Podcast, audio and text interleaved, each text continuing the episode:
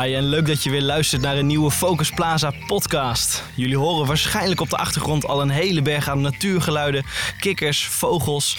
Nou, met een beetje geluk zelfs nog een ooievaar. En dat komt omdat we vandaag aanwezig zijn in een voedselbos. En we gaan het vandaag dus ook hebben over de werking van een voedselbos, hoe dat werkt als productie, locatie en hoe je dat kunt toepassen in de botanische gastronomie. Dat klinkt ingewikkeld, maar ik heb twee sprekers bij mij aan tafel zitten die jullie uh, nou, haarfijn kunnen uitleggen wat zij doen en waarom dit zo'n mooie methode is om, uh, om mensen te voeden. Dus ik uh, laat ze hen even, hen zichzelf eventjes kort voorstellen en dan zullen we lekker diepte induiken over het voedselbos en de botanische gastronomie. Heren, mag ik jullie vragen je kort voor te stellen? Mijn naam is Wouter van Eck. Ik ben de ontwerper van Voedselbos Ketelbroek, dus ik ben voedselbosboer. En ik ben uh, Emiel van der Staak, chef-kok-eigenaar van restaurant De Nieuwe Winkel in Nijmegen. En wij werken nadrukkelijk met planten. En als vissenvlees nog ergens iets kan toevoegen, dan gebruiken we het. Maar we zijn aardig bedreven om eromheen te werken. En onder noemen botanische gastronomie doen we dat. Aha, en Emiel, ik begreep dat jij ook een, een Michelinster hebt gekregen. We hebben er zelfs uh, twee gekregen. Dus een ouderwetse klassieke Michelinster en ook nog de groene Michelinster waarmee ze bedoelen initiatieven te ondersteunen die uh, voor meer duurzaamheid gaan. Nou, mooi. Dat bewijst wel dat uh, dit in ieder geval een, uh, een gerechtvaardigde manier van voeden is. En dat dat ook echt heel lekker kan zijn. Dus ik stel voor dat we eens even gaan kijken hoe ontstaat zo'n voedselbos. Ja, een voedselbos moet je wel degelijk ontwerpen en aanplanten. Het is de vorm van landbouw die probeert een natuurlijk bosecosysteem te imiteren. En eigenlijk uh, bedenk maar dat een boswachter voor een bos eigenlijk niks hoeft te doen. Een boswachter hoeft niet met pokon naar een boom toe, hoeft niet, geen gif te spuiten. Het bos groeit en ieder jaar wordt het rijke, vruchtbare. Een voedselbos is eigenlijk een vereetbariseerd bos. Dus we hebben hier honderden eetbare uh, plantensoorten aangeplant in meerdere vegetatielagen. Dus kruidachtige en kruipers, maar ook struiken, bomen en klimmers. Zo zijn er in een natuurlijk bos verschillende uh, etages aan, aan, vegetatie te onderscheiden, die elkaar van deel ook versterken. Sommige hebben behoefte aan schaduw, sommige hebben behoefte aan beschutting. Sommige soorten uh, binden stikstof en zijn daarmee de meststof voor anderen. En je moet als uh, beheerder van het voedselbos eigenlijk de natuur het werk laten doen. Want opbouw van bodemvruchtbaarheid, bestuiving van alle bloeiende soorten, zelfs het plaagbeheer, dat de vogels die hier nou zo opdringerig op de achtergrond al het lawaai maken, dat zijn ook degenen die voor ons de rupsen en luizen vangen en voorkomen dat er een plaag ontstaat. Dus zo ontstaat er een samenspel met de natuur en neemt na een aantal jaren de productie overweldigend toe.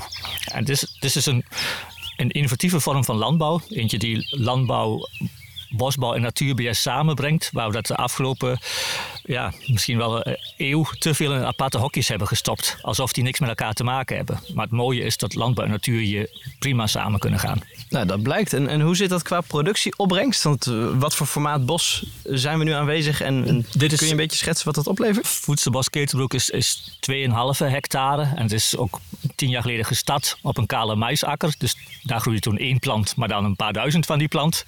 Uh, nou groeien er uh, met wat we hebben aangeplant en wat de natuur aan vrijwilligers heeft toegevoegd.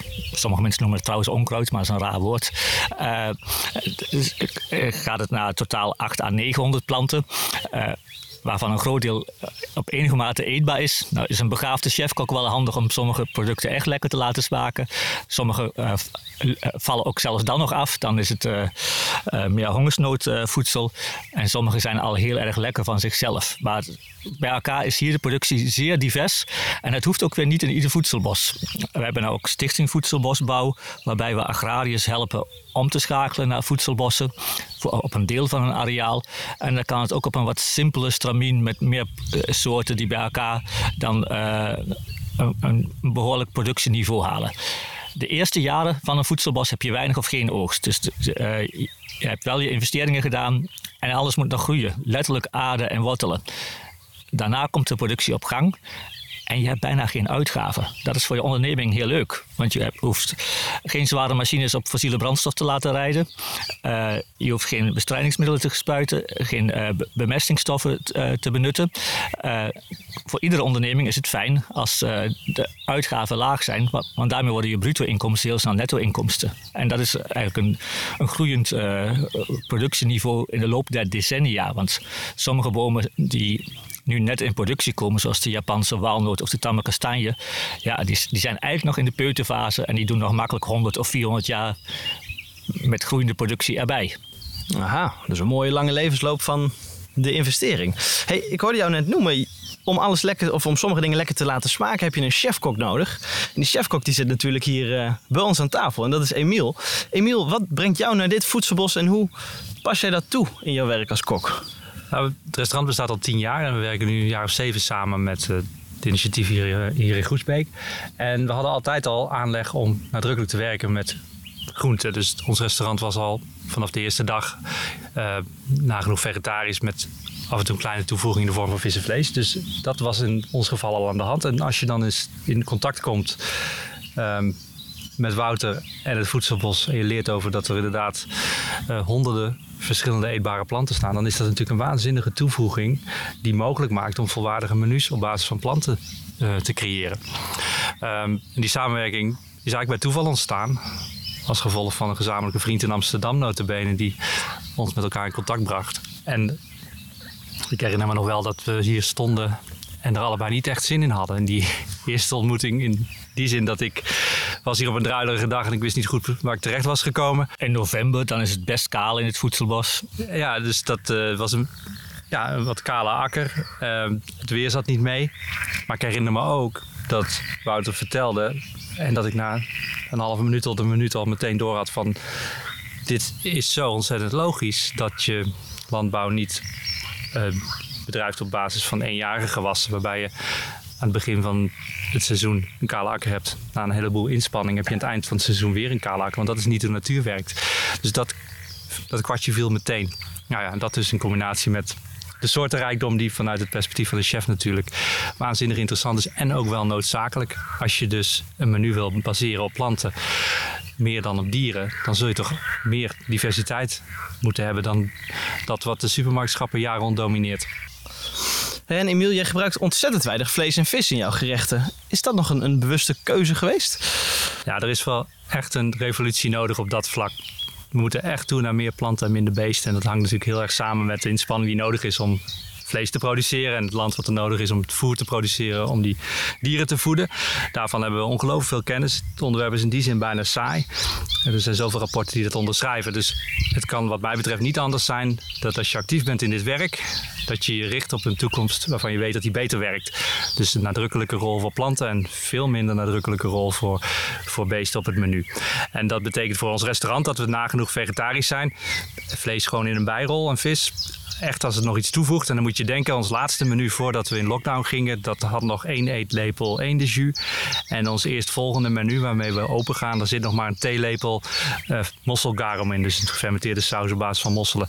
En eigenlijk verder dan dat hebben we het niet meer nodig. En de volgende ambitie is om de zuivel er ook uit te faseren. En dat gaat ook al heel erg goed. Dus we hebben ook steeds minder room nodig. En steeds minder boter nodig om nog steeds heel lekker eten te maken. Dat is gewoon kennis. Komt daarbij kijken en die ontwikkel je. Ja, kwestie van veel experimenteren en zo stap voor stap. Ja, absoluut. En je moet dat inpassen in je gedrag als chef. Hè? Want wij worden opgeleid als chefs zeker in de traditionele keuken, met heel nadrukkelijk gebruik van vlees, room en boter. En dat kan anders, maar dat betekent dat je dat jezelf moet opleggen. En dan ga je naar op zoek en dan komen vanzelf de antwoorden. En ehm, vaak kijk je terug en vraag je je nog eens een keer af waarom hebben we dat eigenlijk al die jaren zo gedaan.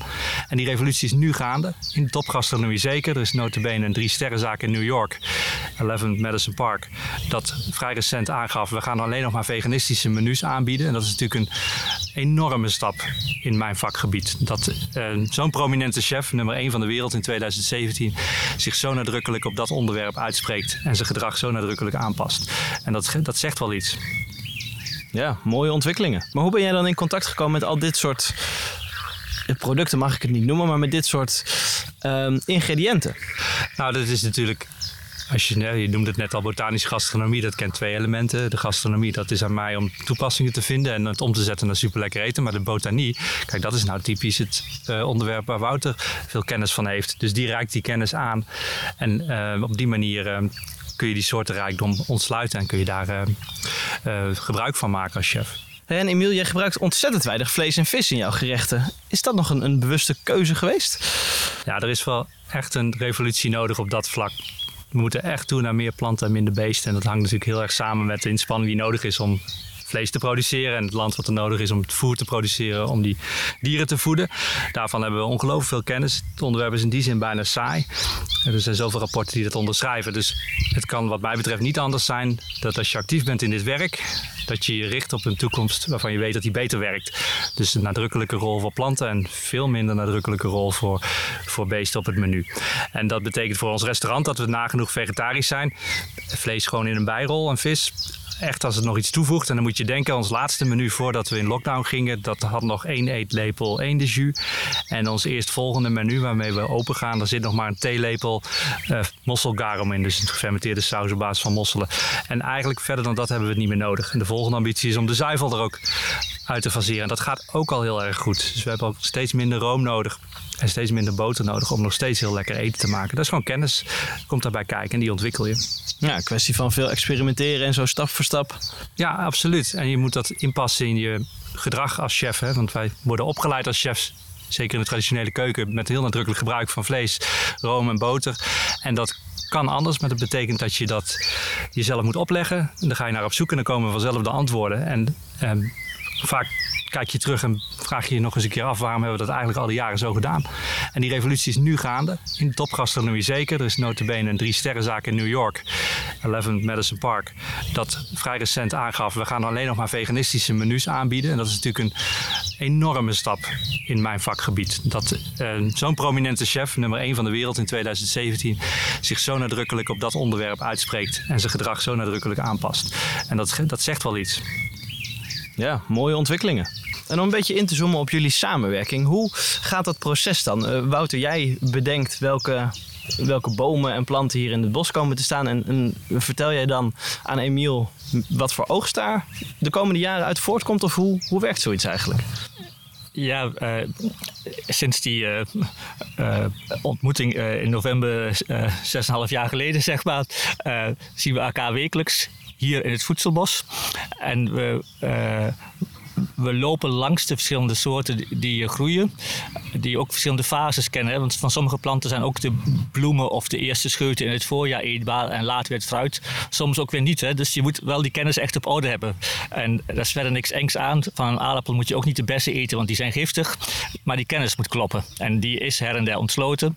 Uh, die, uh, dat heb ik een beetje uitgezocht. En dan kan, kan ik met Emiel een plant bespreken. En dan gaat, gaat hij proeven of uh, er in zijn, zijn laboratorium, zijn, kooklaboratorium, en sommige mensen noemen dat keuken, mee, mee aan de slag om processen als fermenteren of uh, uh, mooie combinaties maken. nog weer, en ook bewaarmethodes die nog weer anders zijn. En, voor mij, aan die kant van het verhaal, is, is Emilie nuttig. Ik ken die planten. Ik weet welke onderdelen eetbaar zijn. en we, we, proeven. Sommige zijn van zichzelf al heel erg lekker. Maar voor sommige is, is de bereiding in de keuken nog helemaal een verademing. En het, het extra hoofdstuk is nog dat uh, dit voedselbossysteem is, is, een, is een heel uh, noodzakelijk antwoord op een urgent probleem. We hebben een klimaatprobleem mede door de huidige landbouw veroorzaakt, die daar ook weer slachtoffer van is. Dat is eigenlijk niet handig van de landbouw. De, de drie hete droge zomers van de afgelopen jaren hebben dat ook aangetoond, dat in delen van Nederland productie terugviel, dat er extra beregend moest worden, waardoor je opnieuw fossiele brandstof gebruikt. Het voedselbos is klimaatrobuust. Het, het rolde heel goed door die droge periodes heen en produceerde meer dan het jaar daarvoor, omdat het gewoon nog in opbouw is. Maar het legt ook heel veel koolstof vast. Dus het is ook een methode om de klimaatcrisis op te lossen. Als een van de, van de noodzakelijke antwoorden. En zo bezien is een verschuiving van het dieet van eenjarige teelt en van eh, vlees en zuivel naar de smakelijke producten uit een voedselbos en een meerjarige teelt, zorgt er heel veel koolstof in de, in de bodem en in de biomassa wordt opgeslagen. Wat een antwoord is op de klimaatcrisis. Een positief antwoord. En Emiel kan dus al recepten uh, ontwikkelen voor de tamme kastanjes die de komende decennia hier uh, uh, klimaatpositief geproduceerd gaan worden. Dus dat, dat, is, dat is heel fijn dat Emiel dat deel van het verhaal oppakt en uitdraagt. Nou, dat klinkt ook wel alsof jullie op die manier echt een ontzettend duurzame samenwerking hebben. Ja, die samenwerking is duurzaam in de zin dat we inderdaad elke week hier samenkomen. Dat gaat ook steeds goed. En, uh, maar wat natuurlijk een heel interessant idee is, als je nou de eetcultuur verandert, en dat zie ik voor mezelf als een belangrijke opdracht, dan, um, en, je weet dat er een relatie bestaat tussen wat we eten en een aantal van de grote thema's waar we voor staan, waaronder de klimaatcrisis, maar ook hoe ons landschap eruit ziet bijvoorbeeld. Um, als, je die, als je dat besef hebt, en je bent chef, dan kan je natuurlijk invloed uitoefenen. En dan kan je mensen bekendmaken met nieuwe producten of producten waarvan we wel wisten dat ze er waren, maar waar we in Nederland helemaal geen uh, cultuur mee hebben. Zoals bijvoorbeeld de tamme kastanje, waar ze dat in de zuidelijke landen uh, veel langere traditie in hebben. Dus uh, doordat ik door de jaren heen meekreeg hoezeer het een en ander met elkaar samenhangt, en hoezeer het de voorkeur heeft om op basis van meerjarige planten een menu samen te stellen, ben ik gaan zoeken, heel gericht ook naar toepassingen. Dus de kastanje is echt een heel mooi voorbeeld, want dat is de enige zetmeelproducerende, het enige zetmeelproducerende gewas in een voedselbossysteem. Hè. Dus dan kun je dat uh, zien als een vervanging voor de aardappel en de tarwe en de, de mais en de, en de bonen. En als ik nou in de keuken staat ben om van die kastanjes super lekker eten te maken, dan verandert, verandert de eetcultuur. Komt er meer vraag naar kastanjes en hebben we meer kastanjebomen nodig.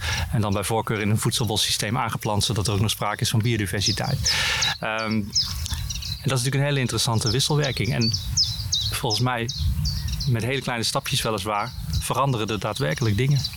En als we dan kijken naar de, naar de verre toekomst, even ruimdenkend. Is dit een model wat toepasbaar is voor de hele samenleving? Dat, dat mensen of consumenten zoals ik gewoon thuis ook gaan koken met kastanjes en allerlei vruchten uit een voedselbos?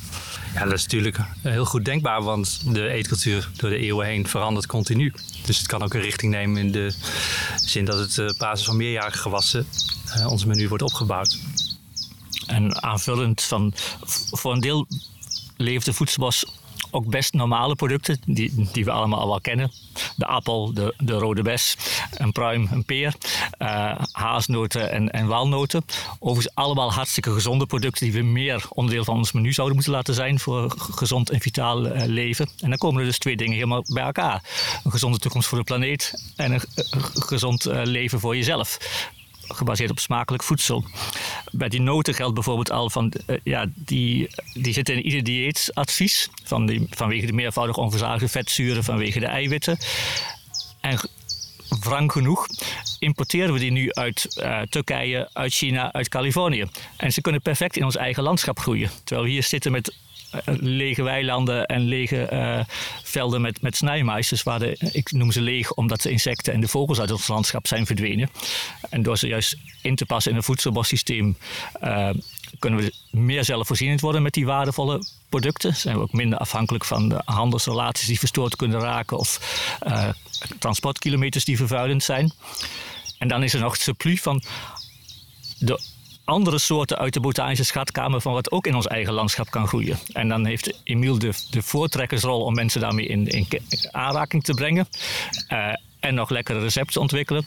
En een zal een deel van de producten die hier groeien, de, de nasi-peer, de olijfwilligbest, de, de, uh, uh, de Chinese mahonie, die door sommigen ook wel Franse uiensoeboom wordt genoemd, ja, die, zullen gewoon uiteindelijk ook wel op het schap van de supermarkt belanden. Want supermarkten zijn nooit trendsetters, maar altijd trendvolgers. En dan zijn de slimmerikken de eerste trendvolgers.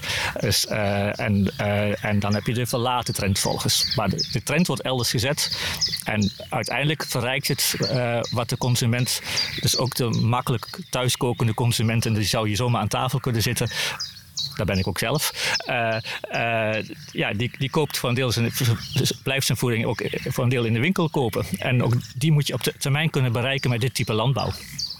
Ja, precies. Dus, dus er zit echt wel gewoon een toekomstperspectief in. Wat haalbaar zou zijn om de nou, hedendaagse gemaksconsument ook mee te krijgen in een dergelijk model. Waarmee nou, we toch op een, op een veel duurzamere manier gebruik maken van onze grond. Ja, en dat uh, is ook het leuke aan onze Stichting Voedselbosbouw is eigenlijk bezig dit systeem op te schalen voor uh, agrariërs die gewend zijn nou met tot tientallen hectares uh, teelten te hebben, die ook volumes draaien. Uh, we hebben een project in Brabant, uh, Voedselbos Schijndel, dat is 20 hectare.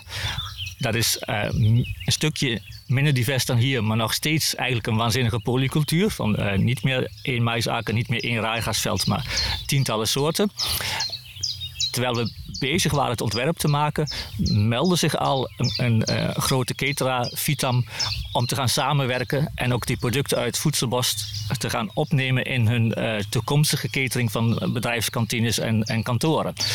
Wat ook opnieuw is, dat is een, een goede tussenstap om mensen met die producten in aanraking te laten komen. Absoluut. Dat klinkt toch als een hele positieve ontwikkeling al. Uh. Ja, het is verrassend snel wat dat betreft. Maar, maar goed, er is ook behoefte aan. Het is een positief verhaal. En Emiel, werk jij ook veel samen met andere partijen die jou benaderen om, om jouw kennis van al deze producten toepasbaar te krijgen voor bijvoorbeeld zo'n cateraar of voor consumentenrecepten? Nee, nog niet op grote schaal. Maar je wordt af en toe wel benaderd, inderdaad, met specifieke vragen. Er is een project waarbij de ambitie is om een restaurant te baseren op basis van wat een voedselbos voortbrengt daar ben ik dan bij betrokken. En die hebben daar specifieke vragen over natuurlijk. En dan uh, hebben wij al wat voorwerk gedaan en kunnen we elkaar misschien helpen. Maar je merkt ook in heel veel zaken dat het ook nog aan het begin staat. Deze ontwikkeling. Ook zeker als ik voor mezelf spreek. Er is nog zo verschrikkelijk veel kennis te ontsluiten. En zoveel nieuws te ontdekken. Dat, uh, dat we in die zin nog maar net begonnen zijn. Dus uh, we zitten nog maar aan het begin van die hele ontdekkingstocht wel gaaf om daar middenin te staan, lijkt me. Ja, absoluut. Het is, uh, het is ook heel inspirerend om dat te mogen doen. En in de wetenschap dat als je dit tot een norm maakt, dat dan inderdaad het landschap verandert en dat grote crisis rondom klimaat bijvoorbeeld uh, in positieve zin wordt beïnvloed. En dat maakt het een, uh, een heel waardevolle inspanning en het geeft ook heel veel voldoening. En uiteindelijk komt het natuurlijk op neer dat het lekker eten is. Dat is de, belangrijkste doelstelling. Ik wou zeggen, dat is toch ook altijd wel een van de doelstellingen voor een uh, chef Je zou het bijna vergeten, ja. ja. laat, laat de toekomst vooral smakelijk zijn. Ja, natuurlijk. Ja. Hey, als ik zo om me heen kijk, hè, jongens, dan zie ik wel heel veel verschillende soorten bomen en planten door elkaar heen staan. Hoe gaat dat proces precies met oogsten? Want je hebt natuurlijk niet dat je machinaal eventjes een rij langs rijdt en uh, eh, 10.000 kolven mais achterin hebt liggen. Nee, het gaat net iets verfijnder, de oogstmethode in een voedselbos. Maar er zijn wel verschillende ontwerptechnieken binnen voedselbos wel mogelijk. Hier ben je in het, het meest diverse, meest extreem uh, gevarieerd ingevulde uh, voedselbos dat we in Nederland kennen. En dat is uh, deels ook een beetje uit de bocht gevlogen qua soortenrijkdom. Dus hier kun je fijnmazig met uh, precisieoogst op de juiste plek op het juiste moment oogsten. Maar dat vereist kennis en, en, en mensenwerk. Maar er zitten nadelen aan. Als hier de aronia-bessen rijp zijn, dan moet, en er zou iemand willen helpen, dan moet je uitleggen: je moet uh, langs de mispel, voorbij de moerbij, bij de Chinese konoelie naar links, bij de tammeke staan je bij je te ver. Pas op dat je niet op de daslok trapt die je nou niet ziet, want die is al even in te slapen. En dan heb je één, één bessenstruik en een handjevol bessen. En ik snap dat dat op grotere schaal niet handig is. En daarom is ook het concept ingericht. We noemen ook dit, dit, dit zeer diverse en gevarieerde voedselbos, dat als een oase in het landschap is. Uh, dit noemen wij het romantisch ingerichte voedselbos. Het is maar dat je het weet. Uh, de andere uh, ontwerprichting is het rationeel ingerichte voedselbos. En dan is het nog steeds een polycultuur, dus meerdere productieve soorten per hectare. Je maakt gebruik van hagen voor windbeschutting en voor de biodiversiteit. Maar zo creëer je eigenlijk een kamer in het landschap. Lijkt opeens op het oude cultuurlandschap van voor de schaalvergroting en de kaalslag in het Nederlandse landschap. Uh, en in die kamers staat het voedselbos op rijen. Gewoon een rij kakies, een rij aroniabessen, een, uh, een rij rimpelroos, een, een rij nashiperen. En deels overlappen die vegetatie, vegetatiesoorten elkaar. Dus je krijgt een oplopende zoom. Degene die zon wil, krijgt zon. Degene die schaduw wil, krijgt schaduw. Maar als de oogst is, is het te rationaliseren. Dan gaat iemand niet meer dolen en eh, op de verkeerde plek zijn. En kan het zelfs als de machines of de plukdrones of welke toekomstige technologische ontwikkelingen er nog zijn, op een meer machinaal, uh, makkelijk ingezette manier. Want bedenk maar, de afgelopen eeuw zijn de landbouwmachines steeds zwaarder geworden. Ja, het heeft een zware tol op de kwaliteit van de Nederlandse bodem gelegd. Die ademt nog maar slecht en het bodemleven uh, is achteruit gegaan. En de nuttige functies van de bodem zijn, staan onder druk. Maar met we hebben gewoon technologieën van, van, waar je ook lichtere apparatuur kunt ontwikkelen. En, en dat is gewoon nog een, uh, ja, een nieuwe uitdaging voor de toekomst. Ja, precies. Maar er zitten dus wel gewoon de mogelijkheden om ook voor de grote landbouwpartijen die wellicht aan het luisteren zijn, om dit ook toe te passen. Absoluut. Om nou, echt ook wel grootschalig te kunnen produceren. En dan heeft Emiel ongetwijfeld een aantal recepten hoe de consument thuis. Nou, we hebben in ieder geval al een voorzetje gegeven. Ja, dat er ontzettend veel mogelijk is op basis van wat een voedselbossysteem uh, voortbrengt. Nou, al met al een boel inzichten in uh, het voedselbos, de botanische gastronomie, nieuwe manieren van koken en hoe dit ook wel gewoon echt een rendabel model kan zijn in plaats van de bestaande landbouwtechnieken. En nou, denk hier eens over na. Want jullie hebben nu een, een, een, eerste kennismaking gehad wellicht. Verdiep je eens verder in dit onderwerp en kijk eens waar de kansen liggen om dit toepasbaar te maken. Ik wil de mannen bij mij hier aan tafel in ieder geval ontzettend bedanken voor hun, uh, hun openheid en hun deelname aan het gesprek. Om jullie nieuwe inzicht te geven. En uh, nou, binnenkort zijn we bij jullie terug met uh, nieuwe tafelgasten en andere interessante onderwerpen rondom future foods en de toekomst van onze voedselketens. Dank voor het luisteren.